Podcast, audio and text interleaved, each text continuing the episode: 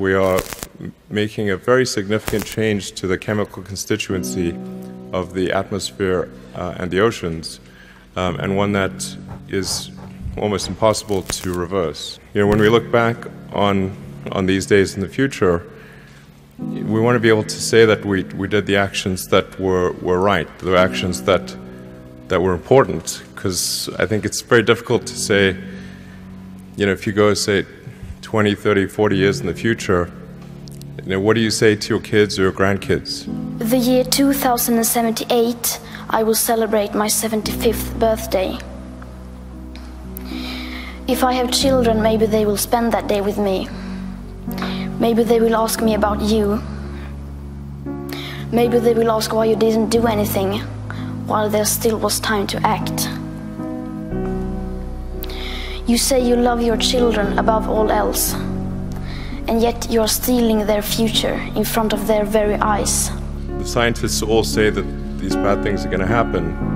It's like 97%. So like say, well, to your grandkids or kids, like, well, did nobody tell you? No, it's like, no, everyone was telling us. So why didn't you do anything? What's the answer? Um, I think it's very important that we do something. What we do now and in the next few years will profoundly affect the next few thousand years. We can create a world with clean air and water unlimited energy. I've been put on this planet to protect wildlife and wilderness areas, which in essence is going to help humanity. I want to have the purest oceans. I want to be able to drink water straight out of that creek. I want to stop the ozone layer. I want to save the world. And you know, money, money's great. I can't get enough money. And you know what I'm going to do with it? I'm going to buy wilderness areas with it. Every single cent I get goes straight into conservation and guess what, Charles? I don't give a rip whose money it is, mate. I'll use it and I'll spend it on buying land. You only speak of green, eternal economic growth because you are too scared of being unpopular. You only talk about moving forward with the same bad ideas that got us into this mess, even when the only sensible thing to do is pull the emergency brake. You are not mature enough to tell it like it is. Even that burden you leave to us children. But I don't care about being popular. I care about climate justice and a living planet.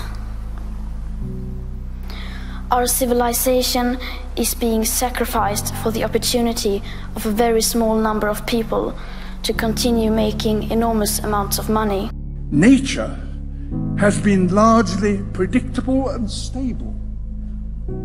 Now, in the space of one human lifetime, indeed, in the space of my lifetime, all that has changed. We're, we're running an experiment which is to see what the CO2 capacity of the oceans and atmosphere is before Earth gets cooked. I, I, don't think that's a wise experiment. That experiment, let's say that experiment is 99% likely to show that CO2 is no problem, but 1% likely to show that it's going to cook the planet.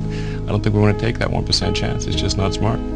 The Holocene has ended. The Garden of Eden is no more. There's no question that at a certain level, uh, it will destroy the Earth, or destroy large portions of the Earth. Um, the question is just what is that level? Um, and, and, and how soon do, do, we, do we stop pumping vast quantities of CO2 into the atmosphere?